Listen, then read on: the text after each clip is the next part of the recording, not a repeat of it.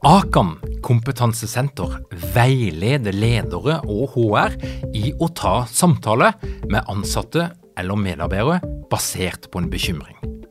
Akan setter ledere og medarbeidere i stand til å forebygge og håndtere en problematisk bruk av alkohol, narkotika, legemidler, spill eller doping blant ansatte. Ønsker du å lære mer om god forebygging og gjennomføring av samtale med en som du er bekymra for? Da kan du nå få tilgang på Akan sitt digitale samtalekurs til spesialpris, kun 760 kroner. Målet med kurset er å gjøre deg tryggere i det som kan være en krevende, men viktig samtale å ta i lederrollen. Du får tilgang til kurset med å gå til samtalekurs.no, samtalekurs.no, og bruke kampanjekoden LEDERPODDEN. Tilbudet gjelder ut april.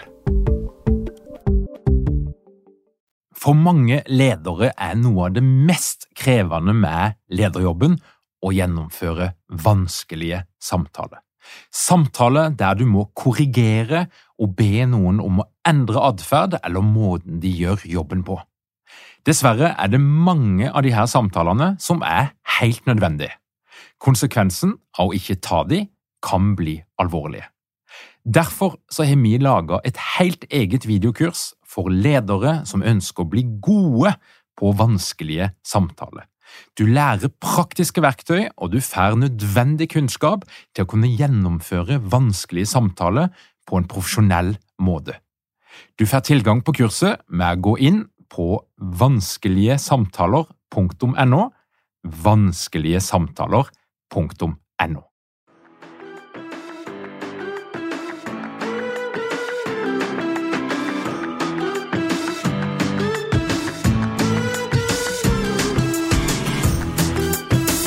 Velkommen til Lederpodden.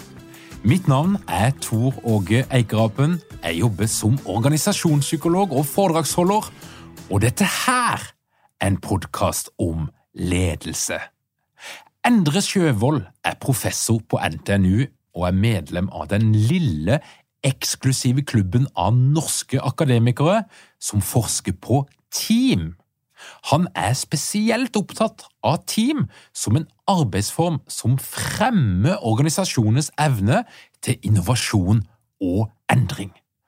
Akkurat nå er Endre ute med en nyskreven utgave av boka Teamet, der han knuser en rekke myter om hva som egentlig skal til for å skape et effektivt team.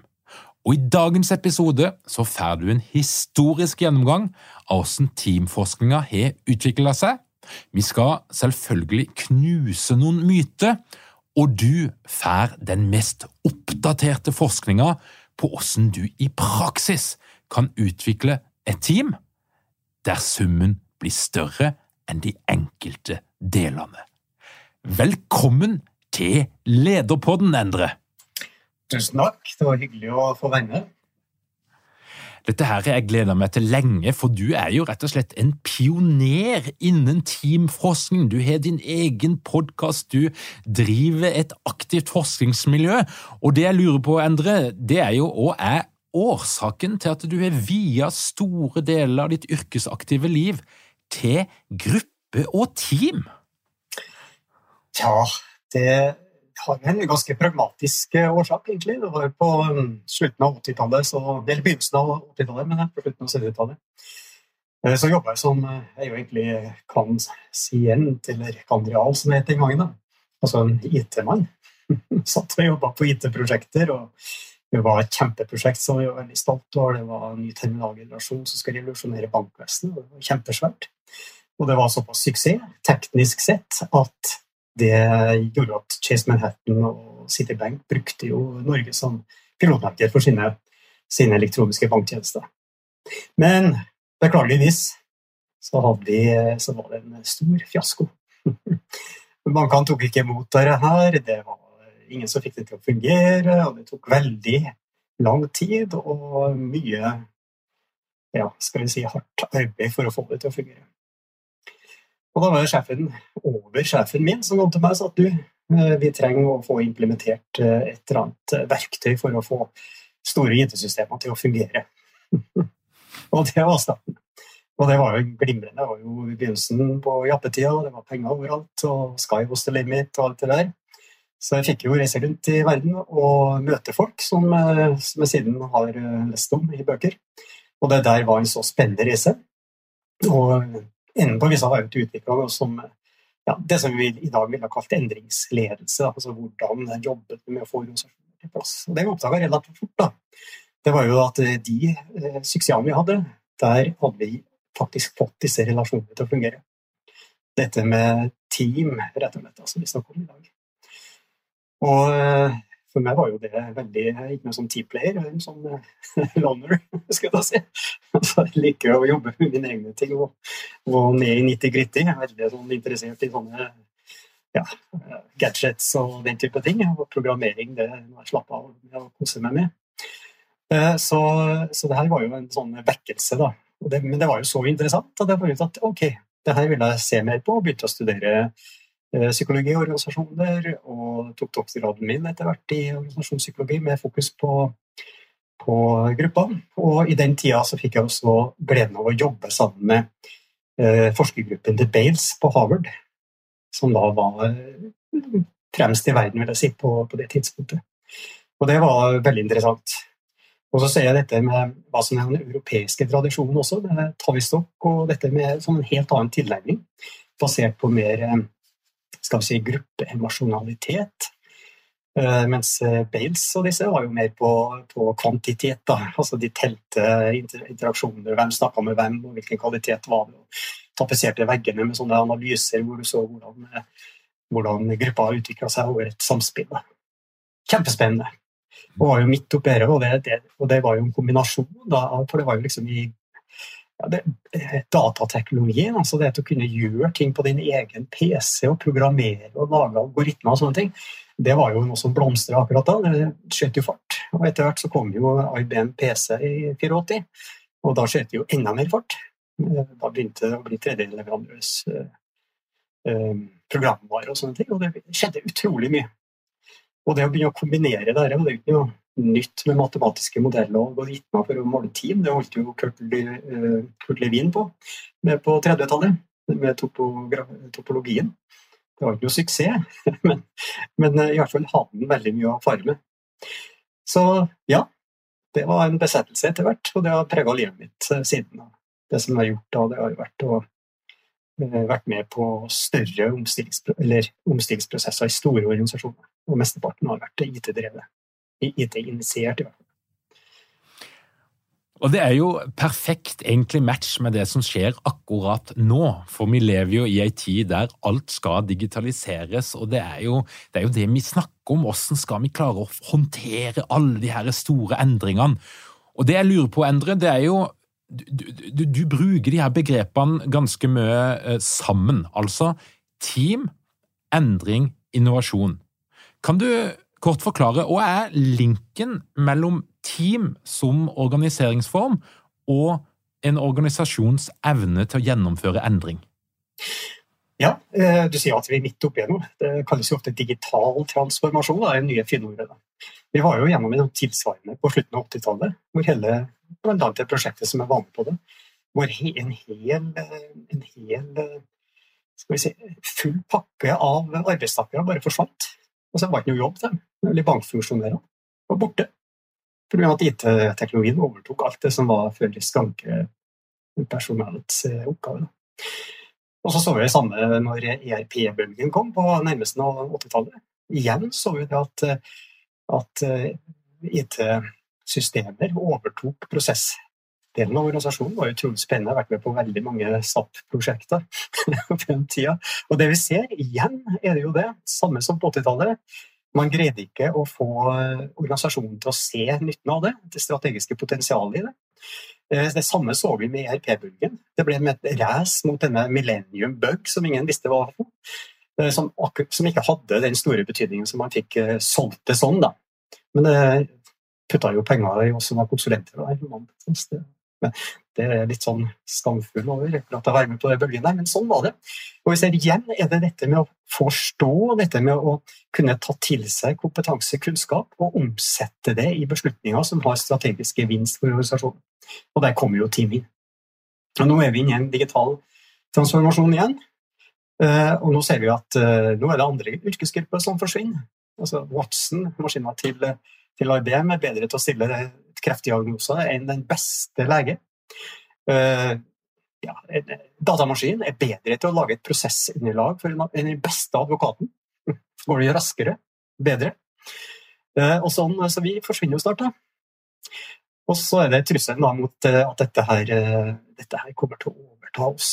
Hva, hva skal vi gjøre, da? Vi mennesker. Og han Harari han var ute en som forfatter slo gjennom med Sapiens. ikke sant? Jeg ser at Vi er kanskje den siste generasjonen Homo sapiens sånn som vi kjenner den i dag. Og Elon Musk har jo funnet opp en maskin og som skal sette elektroder inn i huet på det for at vi skal følge med når teknologien overtar. Og så har du en som heter Jeff Colvin, som skrev en bok i 2015 som heter 'Humans are underrated'. Man sier at ja, det er riktig. Denne teknologien kommer til å overta masse av det vi bruker. Dette med som vi lærer på Handelshøyskolen, NTNU og alt det der, kommer commodities etter hvert. Altså det er noe du kan bare få med et tastetrykk. Men det eneste, og det kommer aldri disse supermaskinene til å mestre, det er det å sitte ansikt til ansikt, dele informasjon, dele kompetanse, bygge på andres innspill og skape noe diametralt nytt. Og da er vi midt inne i det du snakker om. ikke sant? Og da kommer team inn, og dette med kvaliteten på team. Og da er det stor forskjell på et team som jobber under veldig sånn stabile rammebetingelser, med faste oppgaver. Det er også et team, men en helt annen kvalitet enn det der som, som virkelig skal skape noe nytt. Altså det innovasjonsteamet, forskerteamet, eller en, en gruppe spesialsoldater eksempel, som møter en fiende som er helt uforutsigbar. Alt det der som, eh, som virkelig krever mer av teamet enn summen av de enkeltes bidrag, det er jo en helt annen dimensjon på det enn, enn det andre. Og så er det sånn at Der kan du ikke legge struktur for å gjøre teamet mer effektivt. Der er du nødt til å jobbe med relasjonene, med kommunikasjonen, med den ærlige og direkte måten å ta tak i ting som dukker opp på. I motsetning til det teamet som jobber med litt mer understandardiserte og, og skal vi si, forutsigbare betingelser. Der er svaret for å gjøre det effektivt mer struktur, større uh, orden på hvordan vi kjører møtene våre, uh, og alt det der som er en katastrofe for et innovativt hvis du legger for stor vekt på det. Og Da beveger vi oss jo inn på kompleksiteten her, for det er jo det som er litt av det som er budskapet ditt, er jo at team er ganske komplekst. Altså, Hva som er den rette måten å jobbe på, ja, det kommer an på. Men det er jo òg et felt der det er mange predikanter som er ute og byr på lett lette løsninger, kommersielle systemer, og jeg har selv vært med på å spre en del av denne eh, vranglæra i tidligere år, som eksempel Tuckmans teori om teamets fase. Men, men Endre, i, i boka di så, så, er du ganske tydelig på at eh, det er en del ting som vi trodde for noen år siden var sant om team, som vi nå vet veldig godt at nei, det stemmer ikke. Kan ikke du gi oss en liten sånn innsikt i de mest kjente mytene knytta til team, som vi faktisk vet i dag at ikke stemmer? Ja, det er jo et skummelt spørsmål, det er det. Men det du peker på, er at det er en, når det blir kommersialisering, så har du behov for å standardisere. Og gjøre det enkelt, og ikke minst få patent på det. Du får jo ikke patent på ideer og komplekse ting, du får patent på det som kan ses sånn. sånn.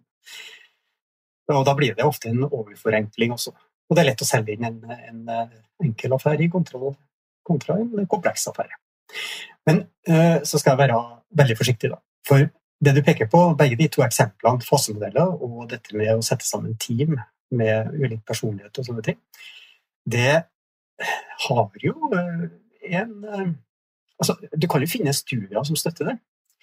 Men når du snakker om en studie, setter opp et forskningsdesign, så er det alltid sånn Ja vel, validiteten på det, altså er det sant eller ikke?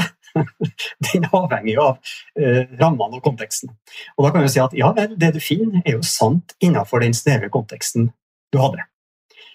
Eh, og så er det jo sånn at er det generaliserbart til andre grupper, andre situasjoner av en kontekst? Og der er vel ofte spørsmålet kommer opp. For å ta eh, fasemodellene, så er det, vel, eh, det er vel grunn til å anta at Tuckman og Jensen fant disse fasene. Men det de studerte, var jo terapigrupper. Og vi kan godt tenke oss at en eh, terapigruppe, altså du bruker gruppen som et terapiforum, da. og så kan du sitte, tenk deg å sitte kraftig deprimert på rommet ditt i lang tid, og så kommer du inn i en gruppe og skal begynne å dele dine, dine ting. Og da kan det godt være, og det tror jeg er ganske sannsynlig også, at det tar lang, litt tid, eller ganske lang tid før du føler deg trygg. Du må bli kjent, ikke sant? så får du bli kjent-fasen, eller forming. Og så kan det være at uh, også ganske sannsynlig at når du virkelig kjenner at oi, her kan jeg jo ta av blokket på den trykkokeren jeg har inni meg, og da popper det ut! ikke sant? Da virkelig sånn, Yes, nå skal jeg inn! Altså storming-fasen. Og så må noen og det er jo den terapeuten som sier nei, vi må ha noen kjøreregler. Opp med hånda, vent på tur, alt det der. Ok, norming-fasen. At den er veldig tydelig. Og så, når du har lagt dere på plass, så begynner terapien. og Da begynner gruppen å fungere, og da får vi, får vi en resultat ut av det. Men så er det at man tok jo den ut da, og generaliserte den til andre grupper. Altså prosjektteam, ledergrupper og sånne ting. Og da er du ute og kjører. Da tar du resultatene fra én studie som er helt relevant og riktig i den konteksten, og prøver å generalisere ut. og Da gjør du en generaltabbe når det gjelder forskning. Eh, det er jo ikke dokumentert. Jeg har ikke funnet en eneste studie som støtter det at grupper utenom disse terapigruppene utvikler seg gjennom faser. Det er lett og lett og lett. Jeg har sett mange studier som bruker instrumenter på andre ting, og så sier at vi er sånn, men aldri noen som går inn og stiller spørsmål ved disse fasene, bortsett fra de som finner ut at nei, det fungerer ikke. Ingen som støtter det. Det er jo Joseph McGrath som har kanskje gjort mest jobb på det.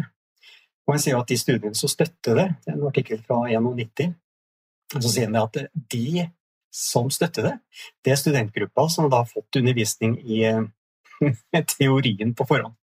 Og det har jeg prøvd sjøl med studentene mine oppe Jeg gir dem en sånn faseteori, sånn utvikler gruppa seg.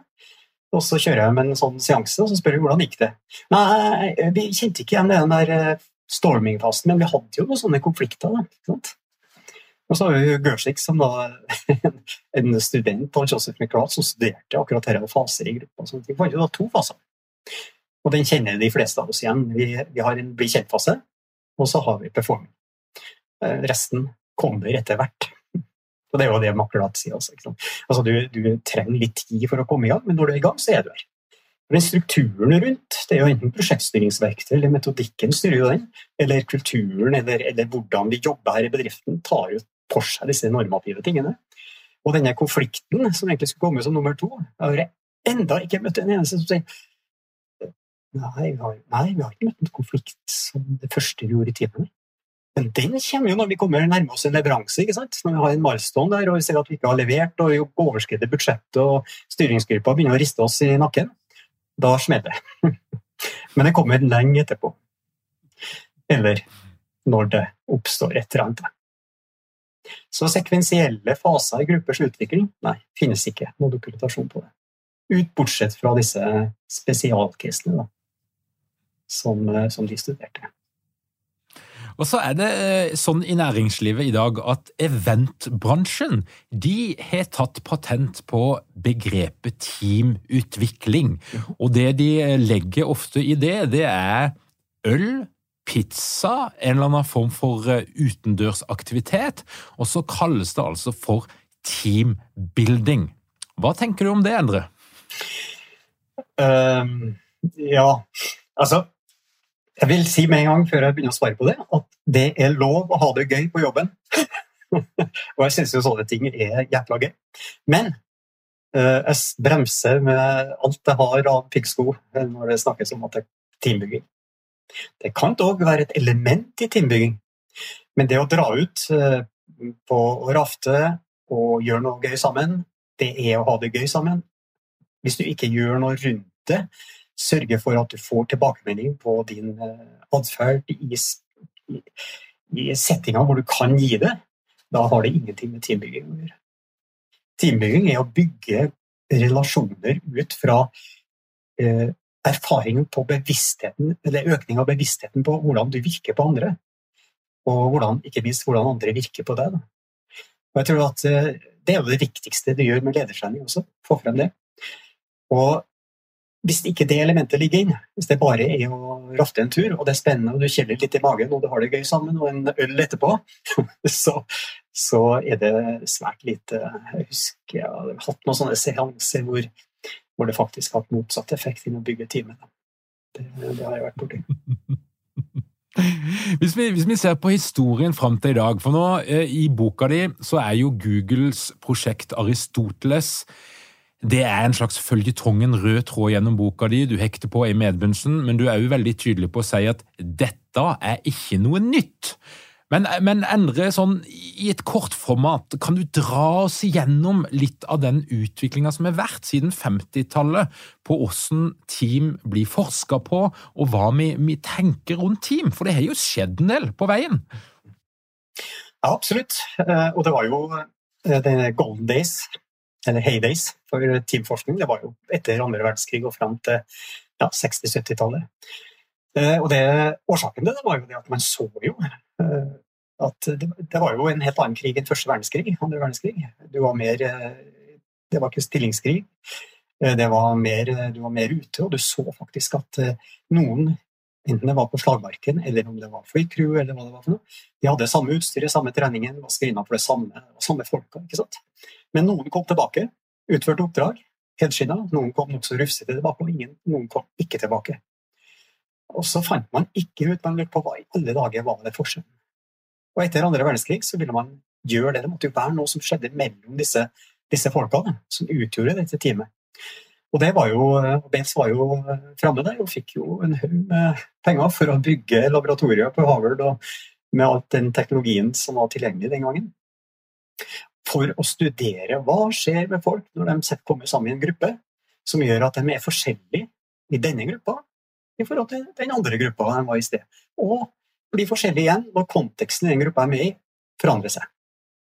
Altså, det var ikke snakk om eh, personlighet. Bales eh, skrev en bok som heter 'Personality and, Personal Interaction' i 1950. Eh, og den fortalte meg en gang at den syntes den var en blindvei. For der var jo liksom budskapet å prøve å knytte personlighet til relasjoner i team. Når han så ingen sammenheng når han så de store tallene. Og så kom jo da 80-tallet. Altså da var fokus på, altså Før, før, før 80-tallet så var fokus på relasjoner, hva skjer imellom, og metoden var jo observasjon. Direkte observasjon. Man kartla liksom interaksjoner, hva som skjedde mellom folk i løpet av en, en periode i, et, i et, en teamsesjon på et par timer. eller noe sånt. Og så kom 80-tallet.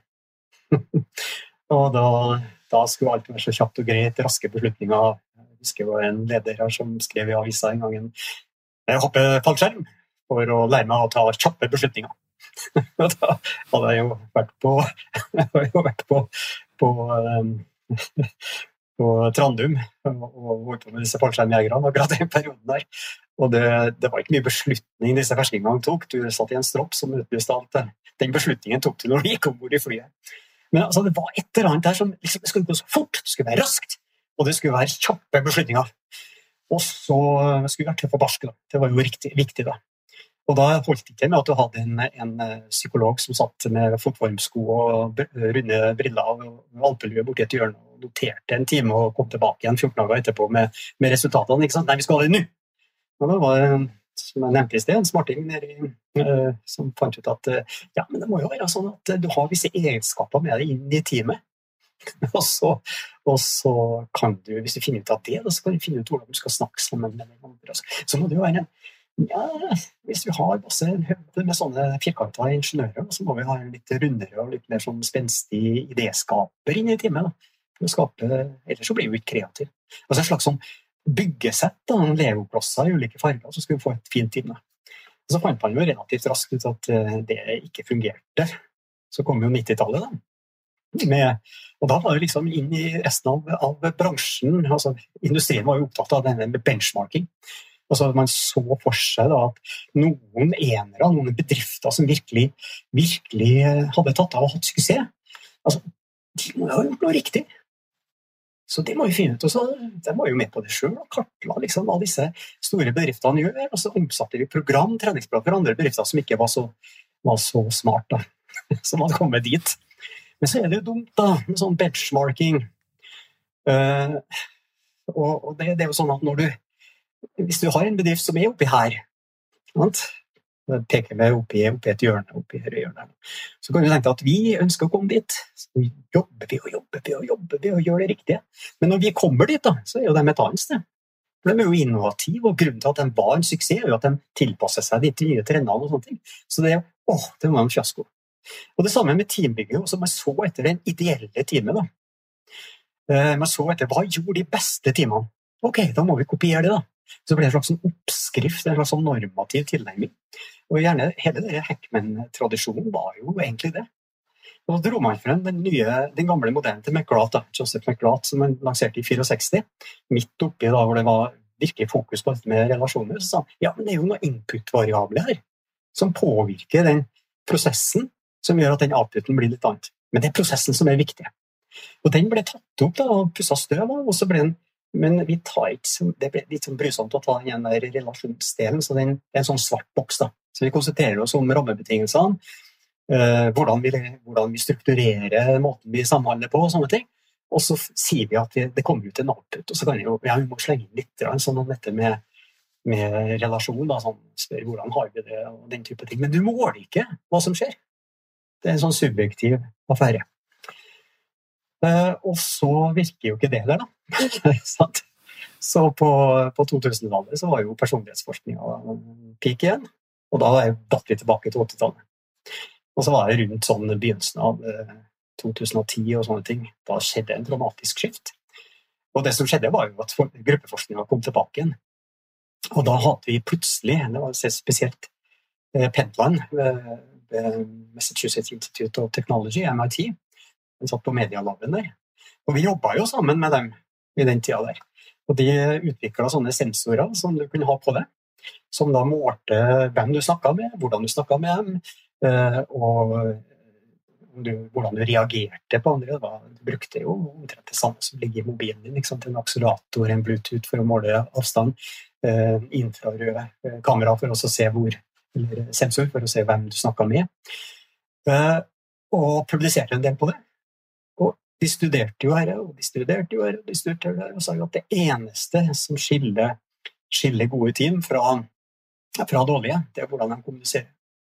Og da var det sånn artig, men da kom jo den der studien fra Google også, til Aristoteles-prosjektet, hvor de hadde jo samme, samme hypotesene. De oppfordra folk til å være sammen på fritida. De oppfordra folk til å plukke sammen de beste folka. ikke sant? Altså, de som leverte som enere, de, de, måtte jo være et superteam når de kom sammen. Og så viste disse studiene som gikk over fire år, 189 grupper, at det var jo ikke sånn. Disse som var sammensatt med disse superfolka, superenerne, de leverte jo ikke på tid, og det var de mest moderat kvalitet på det de leverte når det gjaldt innovasjonskraft. Men de som satt sammen, var middelhavsfarere de leverte både på tid og de mest unike løsningene. Og det her er jo spennende. Hvorfor er det sånn? Altså De som har sittet Det har jo vært i universitet og miljøer sammen med masse enere, i hvert fall i sitt eget eh, bilde. Og det er jo eh, De fleste som har vært i en sånn situasjon, de, de kjenner jo igjen dette. Altså, Hvorfor sitter jeg egentlig her? Altså, jeg har jo tre doktorgrader her. Og... Så jeg bruker tida mi mens de andre snakker, til å formulere mitt elegante svar som kommer med løsningen. Eh, og når støyen fra de andre er over, så kan jeg da belene meg framover og presentere. Sånn er det egentlig. Mens disse som var sånn middelavsvarende, var jo helt fullstendig klar over at de var, var det. så det begynte relativt raskt i disse timene. De hadde en konkret oppgave, de hadde en tidsfrist, og de begynte å sjekke ut hvem, hvem er vi hva har vi av kompetanse i gruppa? Og så etter hvert så fant de ut at ja, men vi har ikke nok til å løse oppgaven, så de begynte å gå ut. Og begynte å trekke inn andre ressurser og sånne ting. Og så, og så spant det av gårde. Så det er jo ikke, og det er jo akkurat den samme konklusjonen. Det, det er sånn som en eh, Dubey, han som var sjefen for prosjektet, han sier at hvem-faktoren spilte overhodet ingen rolle for gode team. Det var hvordan disse delte sin kunnskap, delte sin erfaring, greide å omsette den i konkrete nyskapninger, rett og slett. Og det var jo det som eh, hun, eh, Amy Edmundsen hun eh, var jo professor to opp til oss på NTNU. Og hun kom jo, fikk jo rundt til å komme til Norge i 2019 på SPG-konferansen. da. Og da var det jo mange som lurte på hvem den, den damen var. Men nå har hun virkelig fått fart i, i selene, og det er jo veldig gledelig. En veldig kunnskapsrik og hyggelig dame. Og hun fortalte jo også at hun, måtte jo, hun er jo doktorand av Heckman.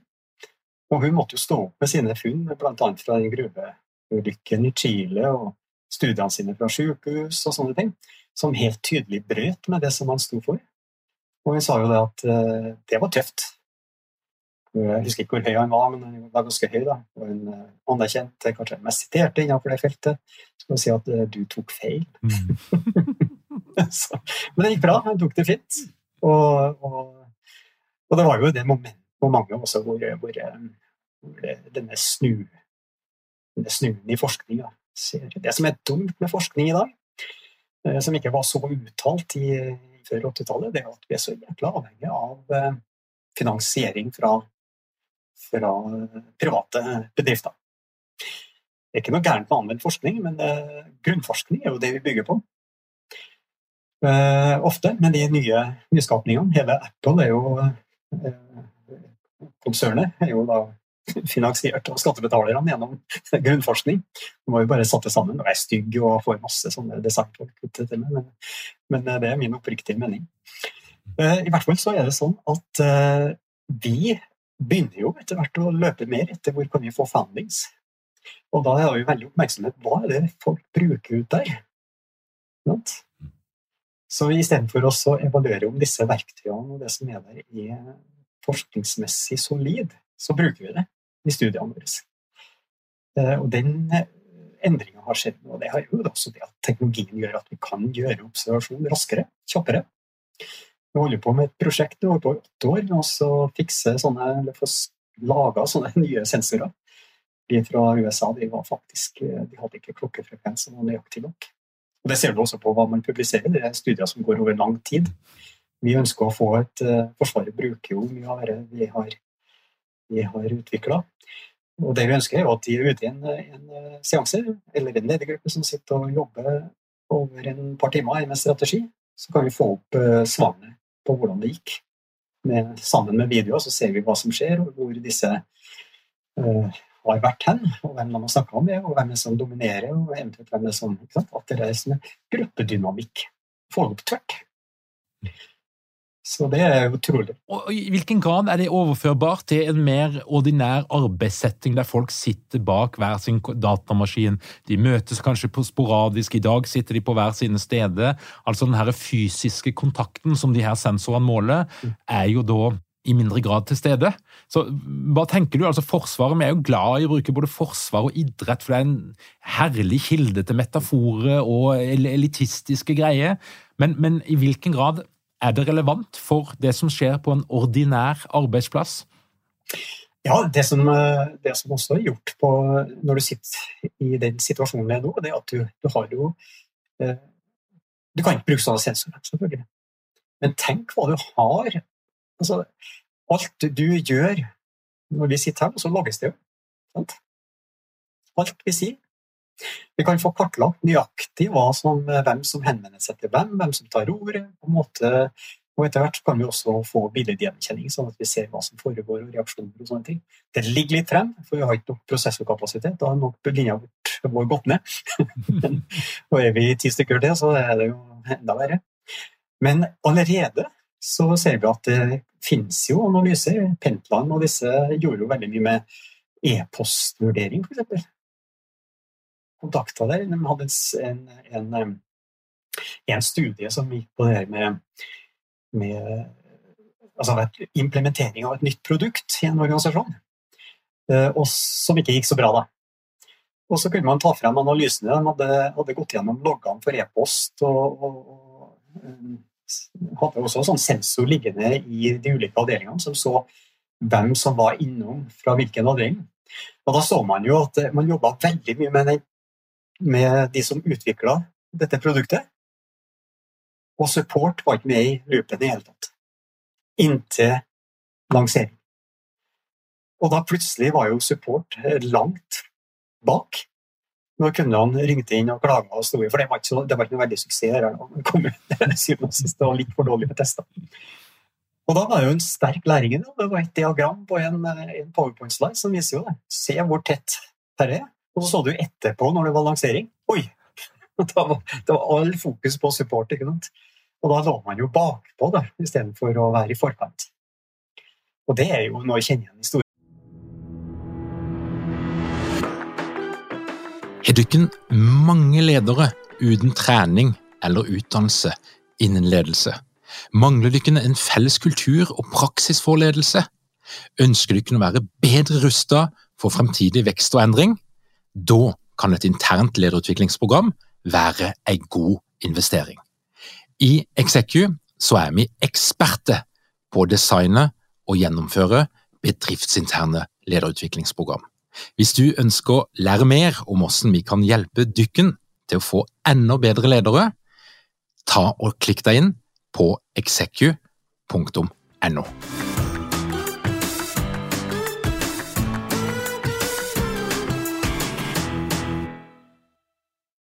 endringsprosesser som har vært med på det. Det er liksom alltid, alltid så blir man liggende på bakpå, uansett hvor, hvor obs man er på det. For det er dagen, altså hverdagen tar deg det er viktigere å få dette ferdig innenfor eh, milestone nå, så får vi ta det andre etterpå. Og det er en dårlig strategi, faktisk.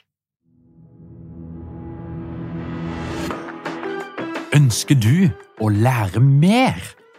Ledernettverket er et digitalt nettverk for ledere som ønsker oppdatert forskningsbasert kunnskap, inspirasjon og regelmessig faglig påfyll.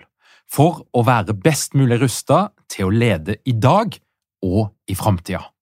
Som medlem får du hver måned møte en ny ekspert innen psykologi og ledelse i våre interaktive workshops. Du får mulighet til å lære av andres erfaringer og dele dine egne.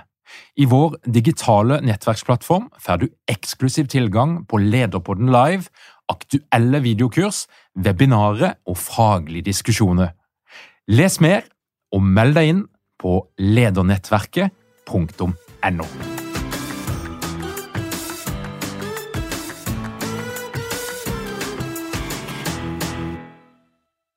Men Endre, I boka di så beveger vi oss jo sakte, men sikkert etter hvert mot den beste måten å gjøre det på.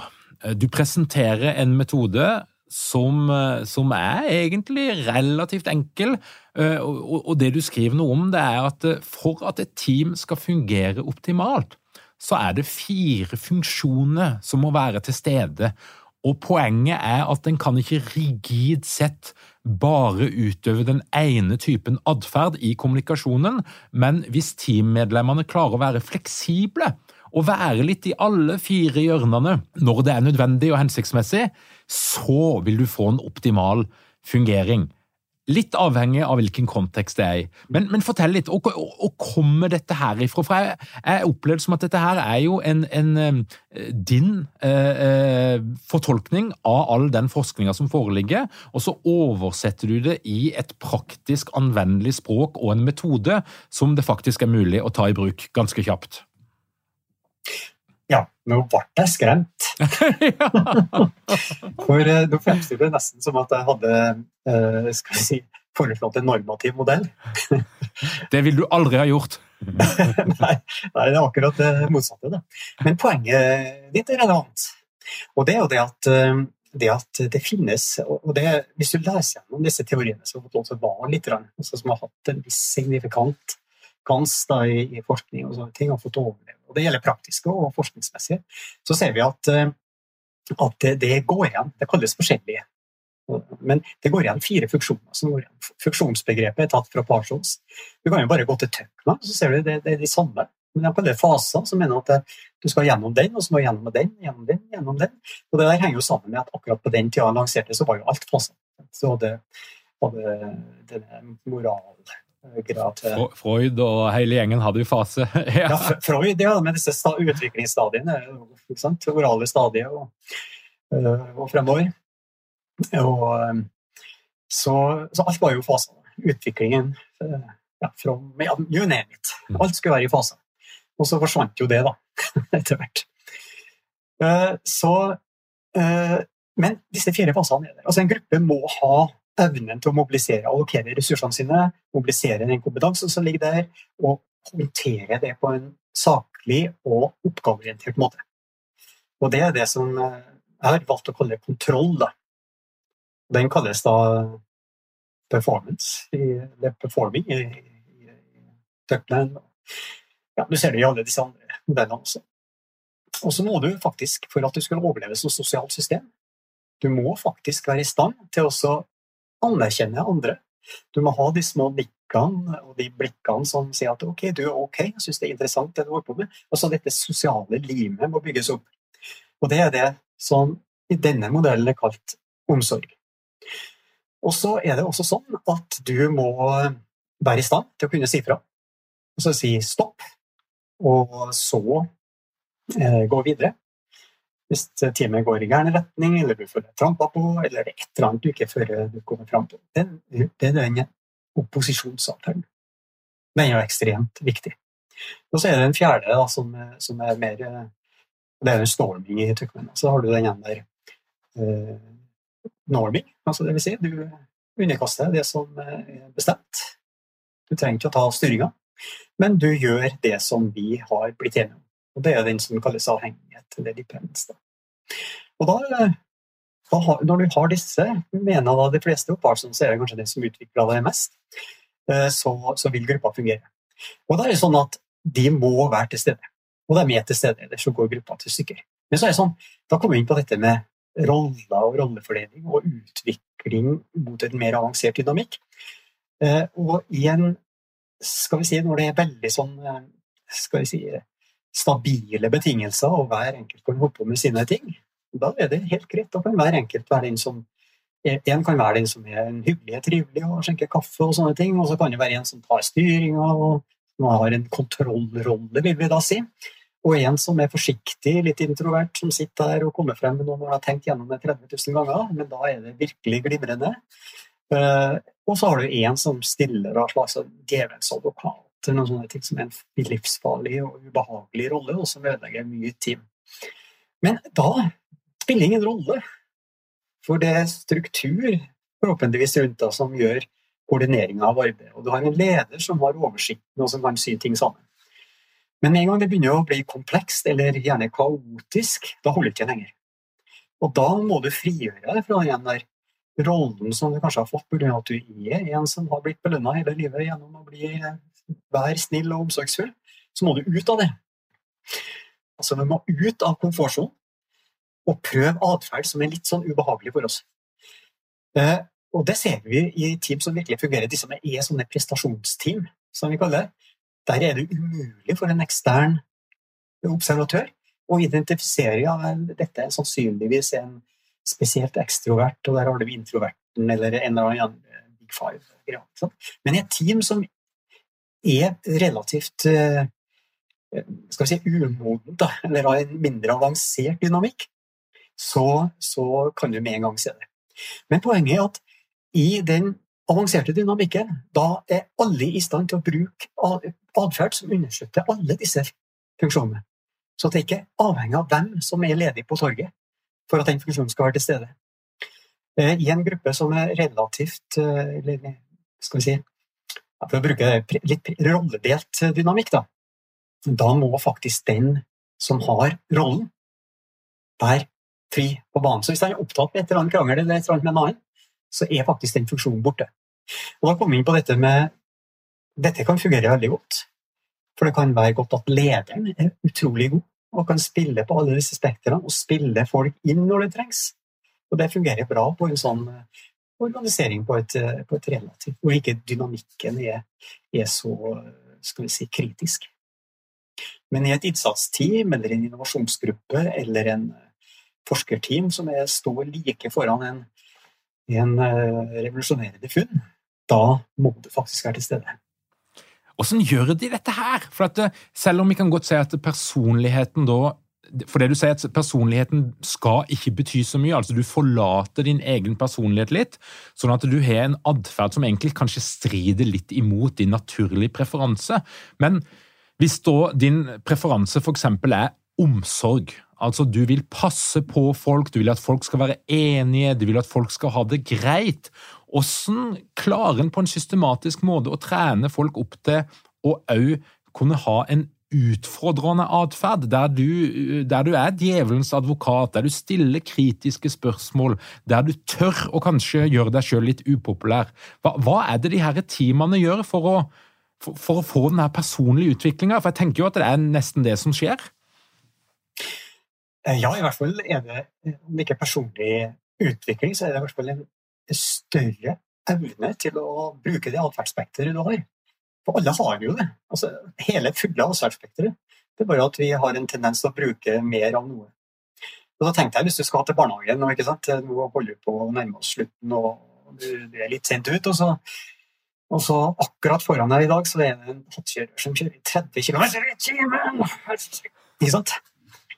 Og da er du jo ganske da har du ganske sånn, opposisjonsatferd. Selv om du sitter i bilen din, så ingen, det spiller ingen rolle.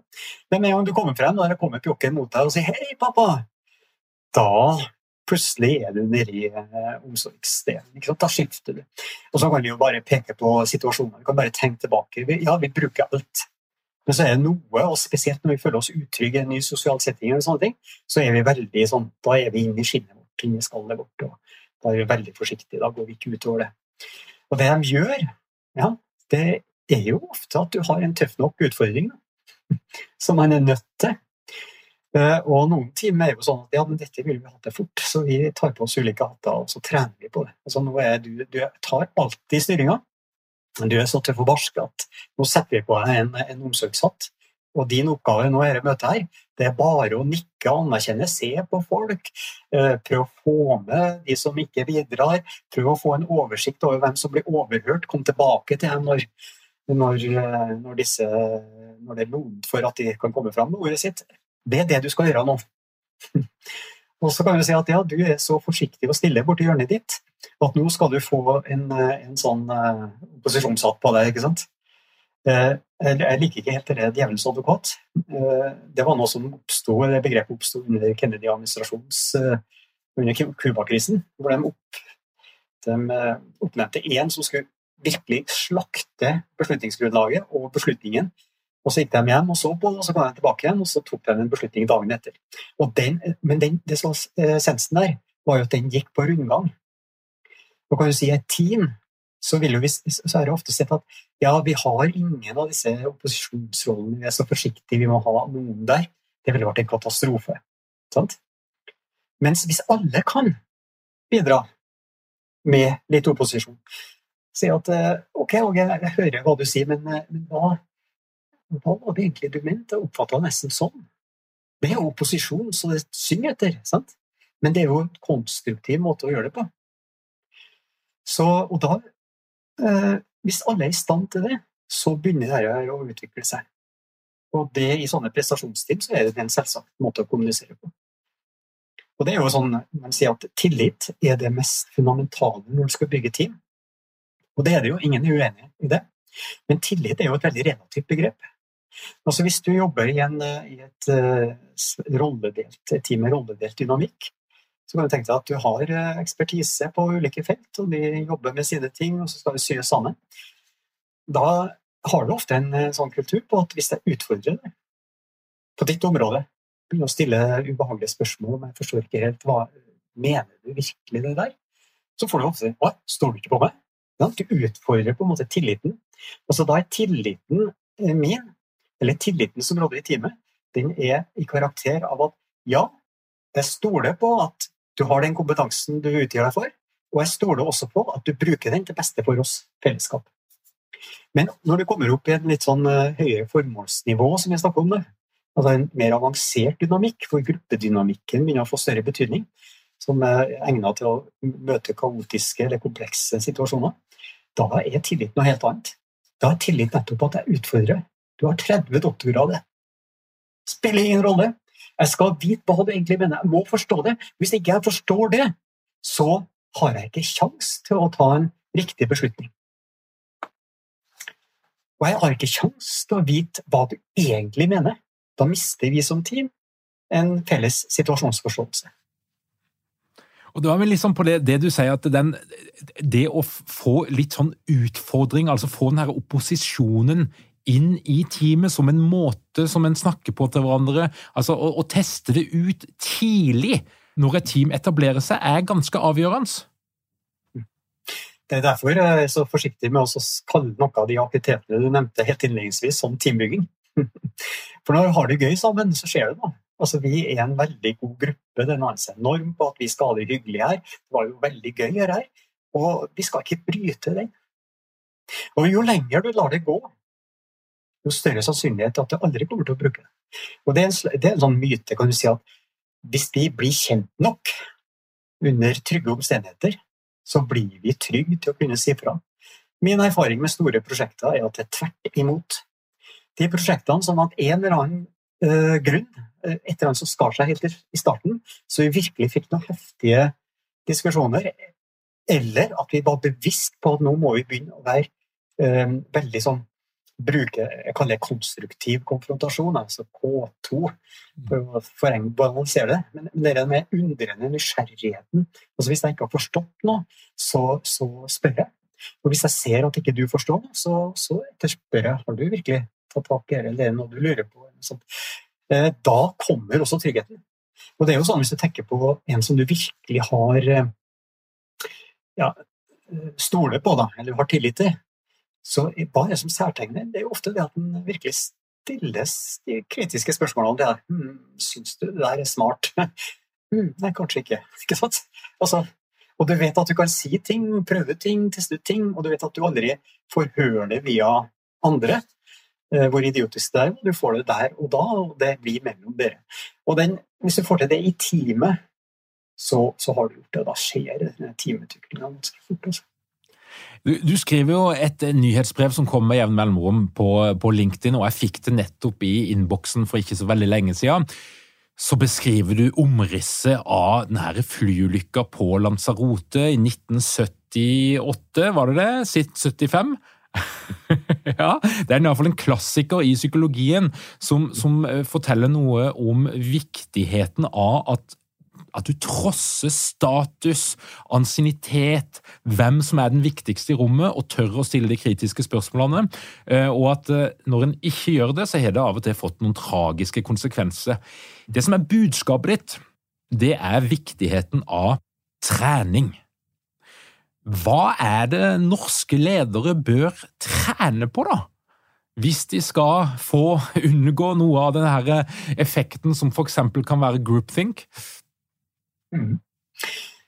Uh, var jo et eh, begrep som Jennys foreslo i 72, og bl.a. basert på en analyse av Kennedy-administrasjonen. Og Det er jo nettopp til at du, du tror på, så sterkt på din høye, egne høye moral og kompetanse og alt det der, at du trenger ikke å bry deg så mye. Khrusjtsjovs administrasjon var nokså firkanta og forutsigbar. Så viste det seg at den var jo ikke det. da. Og Det er jo ganske skremmende å se den utviklinga som skjer nede i Ukraina nå. Altså det, det, er mange tegn som er ganske skumle. Så det en der Det var på Dagsrevyen, hvor han eh, Blinken står sammen med den russiske utenriksministeren og nærmest himler med øynene. Altså, hva, hva, er det som skjer? Altså, er, det, er vi tilbake der hvor det finnes en administrasjon på ene sida av Atlanteren som da tror at de er over og har en høyere moral og har en over, større overblikk enn disse idiotene på andre sida. I så fall så har vi et kjempeproblem. Og det er jo gruppetenking. Og det var jo den røde telefonen som oppsto i administrasjonen, nemlig ring og sjekk. ikke sant? De, hadde jo en, de drev jo med, med sin politikk i, i, i, store medier, eh, som var nokså har, men de holdt jo da denne kommunikasjonstråden eh, off record. Og det gjorde jo at, at, det kom til en løsning. Og Det samme i team også. Greier du også å få den der, den der kommunikasjonstråden åpen? Altså Du sjekker ut. og Da, da er det veldig vanskelig. Liksom. Du sier noe som er jækla rart. Og så har jeg mange, mange barrierer for å si ifra eller spørre. ikke sant? For at Jeg ville ikke fremstå som en idiot som ikke forsto det. Det var kanskje intelligent, selv om jeg syns det var helt på trynet. Eh, eller at jeg syns jeg kan jo ikke henge ut med å stille det spørsmålet når det var så idiotisk, så jeg må bare overse. Det som er faren, da, det er at når du sier et eller annet og jeg ikke forstår, så greier jeg ikke å skjule at jeg ikke forsto. Så det ser du. Og så begynner jeg å skape en usikkerhet. Hva var det som skjedde nå? Var det, var det Likte ikke det jeg sa? Er det noe, er det noe annet? Er det noe som foregår som jeg ikke vet? Altså, du begynner å sette i gang en masse fantasier mm. som, eh, som, vil få konsekvenser for den relasjonen sin. Eh, og så er det jo også sånn at du må, da, du må tenke deg at det du gjør da, hvis du ikke spør, da bør du for det første være klar over at han oppdager det. Og da skal du tenke at eh, det å ikke spørre når vedkommende vet at du ikke har forstått, det er å vise rett og slett forakt for den personen. Altså Det du sier nonverbalt, da, det er at du betyr ingenting for meg. Disse meningene du har, de er totalt blotta for signifikans. Og så gå og dø. Nei, det var ta litt tak. Og da skal vi heller tenke på at hvis jeg ikke forstår, så er det å vise den andre respekt og rett og slett grave litt i det. Og Det er jo ikke noe gærent med den andre, det, det er jeg som ikke forstår. og Det kan jo være eh, måten det er sagt på, min bakgrunn, manglende erfaring, hva det skal være for noe. og Da er det viktig læringspunkt. Og å få i gang den diskusjonen så tidlig, og jo lenger du holder på med kos og hygge, jo mindre sannsynlig at du får det. For da vil det være trussel, rett og slett, å spørre. Det er min erfaring. Og hva er det ledere må trene på? For, å, altså, for du, du, er opptatt av begrepet trening, mm. eh, og det brukes i forskjellige kontekster. Men hva er, er, det som kjennetegner god og fornuftig trening hvis du er leder, eller hvis du er en del av et team som skal prestere under nokså krevende omstendigheter? Jeg tror eh, altså, Jeg bruker jo overordna begrep teambygging, altså bygge team. Og så bruker jeg da trening for én type bygging, og så utvikling for en annen. Teamutvikling.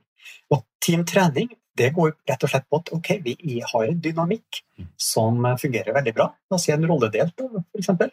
Men vi kan gjøre veldig mye på å gjøre koordineringa oss imellom bedre. Og så legge strukturer på overlevering av de ulike tingene vi gjør. og uh, Møtene kan bli bedre, og alt det der som, som er sånn gjengs som er lett å ta tak i, men som kanskje ikke alltid er riktig, men som i den sammenheng er riktig. Eh, utvikling det blir mer å skape en prosess hvor du øker din bevissthet på hvordan du reagerer på andre, og hvordan andre reagerer på det. Altså når du gjør dette her, så, så, så skjer det. Og, og, da må du trene på at ok, nå skal jeg være bevisst hva jeg i ryggmargen ønsker å gjøre uten at det går om frontallappen. Koblingen frontallappen og tenke på hva er fornuftig å gjøre her nå. Eh, et eksempel er jo det for eksempel, når du blir overøst av forbannelse fra en eller annen som er fullstendig tatt av pga. et eller annet du har sagt eller gjort, eh, så ligger det i ryggmargen vår å forsvare oss og hive oss med på akkurat samme mynt. Og svært ofte så er ikke det så innmari smart. Og da er det sånn å trene på at ok, la han nå frese fra seg, og så rolig eh, spørre tilbake jeg forsto det sånn og sånn. Var det det du mente, eller hva var det egentlig? Eller hva, var det noe mer? Ikke? Ja. Altså, da går du over og viser en helt annen atferd, som da er inkompatibel med at det der skal eskalere. Og svært ofte så har jo det en forbløffende effekt. Da. Det er litt sånn eh, ja, Jeg drev med asiatisk kampidrett i mine unge, yngre år. Og Der er jo ofte prinsippet at du skal bruke kraften og momentet og farten og energien hos den andre til å vinne. Mm. Og Det er jo litt av det samme også. Hvis du, hvis du stiller deg opp mot et slag eller et spark, ok, så får du vondt av et knekt ribbein eller noe sånt. Men hvis du greier å unngå å få den energien til å velte motstanderen, så tar du unna. Og det, det, da er litt overføringsverdien det at du skal bøye av, ikke ta kall for fristelsen å, å, å, slå tilbake. Men ikke det at du skal vinne nødvendigvis. Du skal sørge for at debatten går over til en mer dialog. Altså det, det er fellesskapet som vinner, altså teamet som vinner, ved at du bøyer av og går igjen i en annen, vinkel. Ja, var det tåkete, eller var det et eksempel? Nei, jeg syns det, det, var vakkert. Det var estetisk uh, presentert. Takk skal du ha. Det var hyggelig. Endre, hvis du ser inn i krystallkula. Eh, du har jo beskrevet historien, og det er ingen tvil om at måten vi ser på eh, team i dag, vil sannsynligvis endre seg i løpet av de neste årene. Kanskje er det avataret, kanskje er det metaverset. Det er der teamarbeidet skjer. Hva tenker du eh, om framtida for teamforskning og måten vi tenker praktisk på rundt team på arbeidsplasser? Vi snakker om de agile, de, de autonome teamene. altså Det er jo i tida. Absolutt. Og det er begge de to eksempler på tips som fungerer på en relativt høy høyt formålsnivå, altså en avansert dynamikk som vi har brukt nå. Og jeg tror vi er tilbake igjen til måten man tenkte team på før 80-tallet. Eh, altså Det som er viktig, det er hvordan folk forholder seg til hverandre. Hva det gjør med de enkelte, og hvordan det, kan, det samspillet kan skape et, eh, et nytt en ny tjeneste, et unikt produkt, eller hva det er for noe. Altså denne innovasjonen som skjer mellom mennesker, det som eh, Jeff Colvin nevnte. Det er dette som datamaskinene ikke kan. Og eh, da er jo dette med observasjon, som vi ser nå kommer inn, kommer tilbake igjen. Det popper opp bøker nå. Det kom en svensk utgave av en, av en bok om observasjon nettopp fra, fra Eva Hanne Chirac ved Linköping.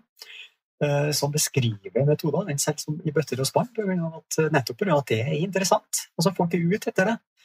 Eh, og de ser at det er der måten å bygge team på. Ja. Man er lei av disse spørreskjemaene. Og så vil man etter hvert få mer og mer kunnskap. Og så er det sånn, ja vel, men mye av disse metodene er jo laga på ansikt-til-ansikt-team og kan bare brukes til Ja, riktig. Og der kommer det til å skje en utvikling. Vi kommer til å ha roboter bak disse plattformene vi prater på nå, som måler interaksjon. Så når de er ferdige, så får vi opp eh, bilder av hvordan, eh, hvordan, dette har gått. Og du kan spille tilbake. Og du kan se liksom, oi, det var litt ubehagelig, akkurat den reaksjonen til Åge der. Så kan du spille deg tilbake og se å ja. Jo, men det er jo, det er jo selvfølgelig når jeg ser bilder av meg, så jeg, skjønner jeg jo hvorfor. Ok, da vet jeg. Sånn at vi er i en stadig utvikling gjennom å bli mer og mer klar på det. Er klart at en sånn digital flate, eh, flate som vi har i dag, den er veldig eh, skummel. For at vi, når vi sitter ansikt til ansikt, så har vi en helt mye rikere medieplattform. Altså vi får med alle nonverbale signaler, vi får med, får med ja, lukter og syn, alt det der som påvirker oss, og som gjør at vi danner oss et relativt raskt bilde av eh, nå er jeg på riktig vei, eller nå må jeg sjekke ut mens disse digitale platene, de, de, de er ikke der. Så muter folk mikrofon, selvfølgelig, som er smart, ellers så blir det alt mulig kaos. Og så er det hjemmekontor med unger, og så plutselig får de som snur seg. Så, så tenker vi hva som skjedde her Hvorfor ble han så sur? Og så var det da ungen som knuste melkeglasset, eller hva det var, ikke sant? som ikke har noe med helst nære her å gjøre. Men vi har ikke oversikten over det. Så jeg tror det kommer til å, Vi kommer ikke til å forlate digitale flater. Eh, vi har både klimakrisen og vi har eh, den digitale utviklingen. Alt fremmer jo at dette kommer til å bli mer og mer vanlig. Eh, og der kommer det til å skje utrolig mye. Jeg skulle ønske at jeg var 20 år i dag som hadde vært med på utviklinga. Altså. Det, det er så mye spennende. Og det er den integrasjonen av teknologi og team. Der, der ligger fremtida. Garantert. Jeg er helt overbevist.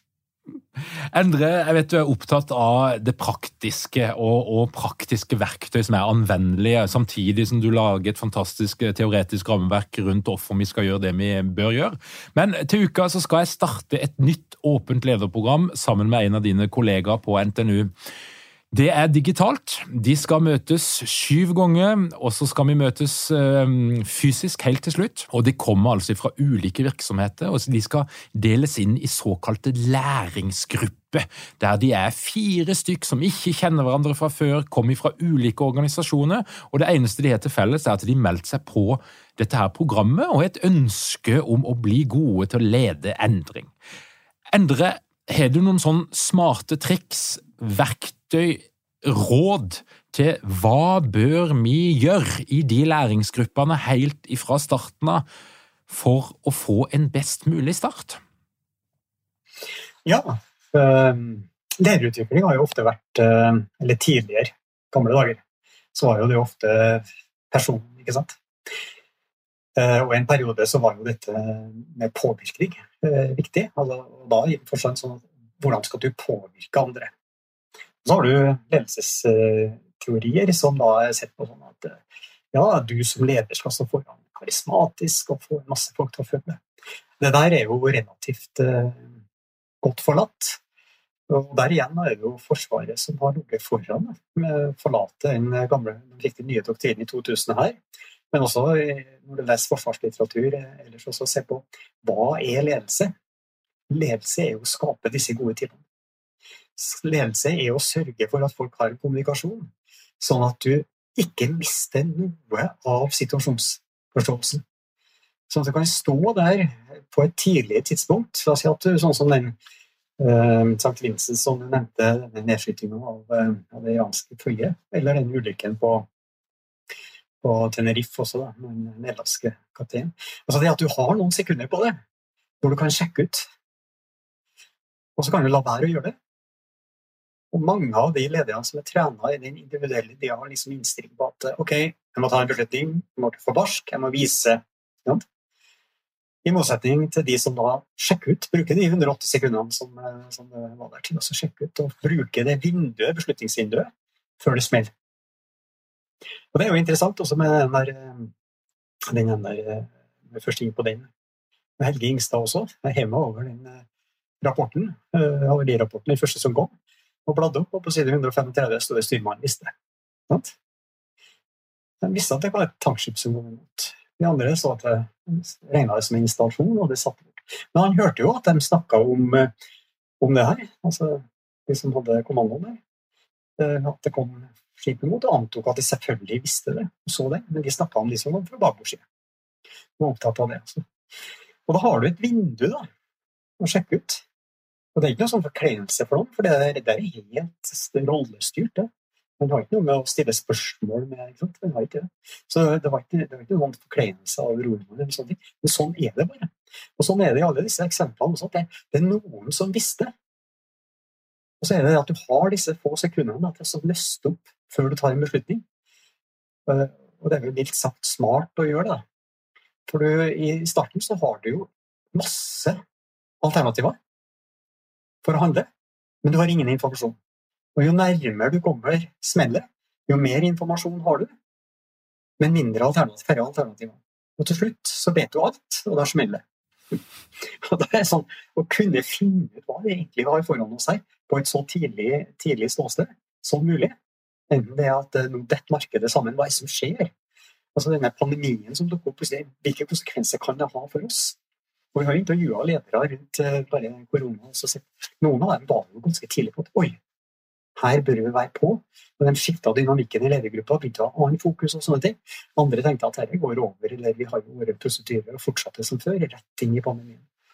Så, så det, er, det, er, ganske interessant, det der. Og da tenker jeg at ja, for å svare på spørsmålet ditt endelig Bruk tid på å få disse og det er en unik gruppe der du kan gjøre akkurat hva du vil. Det er jo sånn eh, T-groups fra Levin, eller det som er kalt sensitivitetsgruppa.